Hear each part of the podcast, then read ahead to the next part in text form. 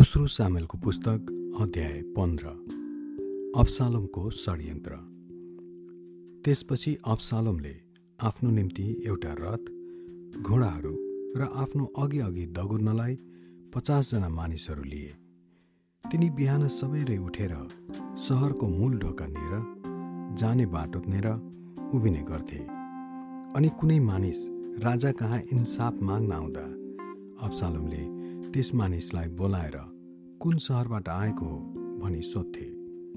हजुर म इजरायलको फलानो कुलको हुँ भनी जब तिनले जवाब पाउँथे तब अब्सालमले त्यसलाई भन्थे तिम्रो मुद्दा त ठिकै रहेछ तर तिम्रो मुद्दा सुन्ने राजाको कुनै प्रतिनिधि नै छैन। अनि अब्सालमले अझै यसो पनि भन्थे यदि म यस देशमा न्यायाधीश नियुक्त भएको भए यस्तो मुद्दा ल्याउने हरेक मानिसको ठिक इन्साफ गरिदिने मेरो कर्तव्य हुने थियो।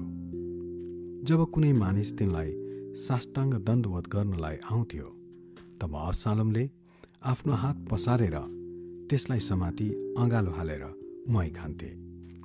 राजा कहाँ इन्साफ माग्ने हरेकसँग यस्तै व्यवहार गरेर अब्सालमले इजरायलीहरूको प्यार आफूतिर खिचे। चार वर्षपछि अब्सालोमले राजालाई भने परमप्रभुको निम्ति भाकल पुरा गर्नलाई म हेब्रोनमा जान चाहन्छु। किनभने म अरामको सुरमा हुँदा मैले यो भाकल गरेको थिएँ। यदि परमप्रभुले मलाई एरुसेलममा ल्याउनु भयो भने म हेब्रोनमा परमप्रभुको आराधना गर्नेछु। राजाले जवाफ दिए शान्तिसित जाऊ। तब तिनी हेब्रोनमा गए। तब अब्सालमले इजरायलका सबै कुलहरूमा यसो भनेर गुप्त समाचार वाहकहरूलाई पठाए। तुरहीको स्वर सुन्ने बित्तिकै तिमीहरूले भन अब्सालोन हेब्रोनमा राजा हुनुभयो।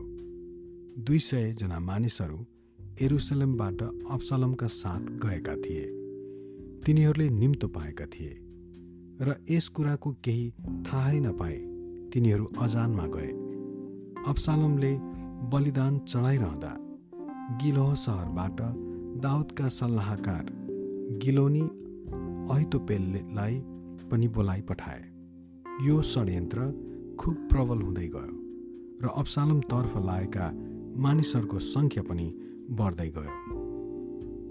दाउद एरुसलमबाट भागेका। एकजना सन्देशवाहक आएर दाउदलाई भन्यो इजरायलका मानिसहरूको त मन त अब्सालमतिर पो छ। तब दाउदले आफूतिर एप्सोलम अरुसलममा भएका अधिकारीहरूलाई भने हामी झट्टै भाग्नुपर्छ नत्र त हामी कोही पनि अब्सालमको हातबाट उम्कन पाउने छैनौँ। हामी तुरुन्तै भाग्नुपर्छ नत्र त त्यो हामीमाथि आइलाग्नेछ। र सहरमा भएको कसैलाई पनि दया नदेखाएर त्यसले हामीमाथि विपत्ति ल्याउनेछ। राजाका अधिकारीहरूले भने हजुरले जसो उचित सम्झिनुहुन्छ। त्यसो गर्नलाई हामी तयार छौँ। तब राजा निस्केर गए र महलको हेरचाह गर्ने दसजना उपपत्नीहरू बाहेक तिनको घरानाका सबै मानिसहरू पनि तिनकै पछि पछि लागे। तिनीहरू केही टाढासम्म गएर अडिए। गातबाट राजाका साथ आएका छ सय गित्ती अनि सबै करेती र पलेथी सहित सबै मानिसहरू राजाका सामुन्ने हिँडेर गए। तब राजाले गीती इतैलाई भने तिमी किन हामीसँग आउँछौ? छौ फर्की गएर राजा अब्सालमसँग बस किनभने तिमी एक विदेशी हौ र तिमी आफ्नो देशबाट निकालिएका पनि होइनौ। तिमी त हिजो अस्ति मात्र आएका हौ अनि आज मेरो भ्रमणमा मसित तिमीलाई सहभागी हुन मैले कसरी कर लाउनु? म कहाँ जानेछु? म आफै जान्दिनँ। घर जाऊ। र तिम्रा निज देशवासीहरूलाई पनि साथै लैजाऊ। कृपा र विश्वास तिमीसित रहन्। तर इतैले यसो भनेर राजासँग शपथ खाए। जीवित परमप्रभुको नाउँमा र मेरा राजाको नाउँमा शपथ खाएर म भन्दछु कि तपाईँ मेरा प्रभु र राजा जहाँ हुनुहुन्छ त्यही यो तपाईँको दास पनि हुनेछ। म बाँचु वा मरु? दाउदले इतैलाई भने। हुन्छ अघि हिँड। यसरी गित्ती इतै आफ्नो जम्मै दल र तिनीसँग भएका सबै लावा लस्कर साथ हिँडे। यसरी तिनीहरू सबैजना निस्केर जाँदा सारा देशका मानिसहरू धुमधाम रुन लागे। राजा किद्रोन खोल्सा पार गर्न लागे र सबै मानिसहरू मरुभूमितिर बढ्न लागे। साधुक पनि सबै लेबीहरूका साथमा त्यहाँ थिए। तिनीहरूले परमेश्वरका करारको सन्दुक बोकेर लगिरहेका थिए। त्यो चाहिँ तिनीहरूले अडाएर राखे र सबै मानिसहरू सहरबाट निस्केर नाउन्जेल अभियथारले बलिदानहरू चढाउन लागे। तब राजाले साधकलाई भने परमेश्वरको सन्दुक सहरमा फर्काएर लैजाऊ।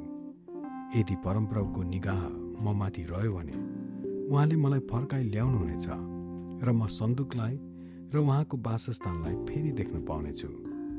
यदि उहाँले मसँग प्रसन्न हुनुहुन्न भनी भन्नुभयो भने म यहीँ छु। उहाँले मलाई जे गर्न चाहनुहुन्छ सो मसँग गरून्। राजाले साधोक पुजारीलाई यसो पनि भने के तिमी भविष्य देख्न सक्छौ? होइन र? तिमी र अभियथार तिम्रा छोरा अहिमास र अभियथारका छोरा जोनाथनलाई साथमा लिएर शान्तिसँग सहरमा फर्केर जाओ।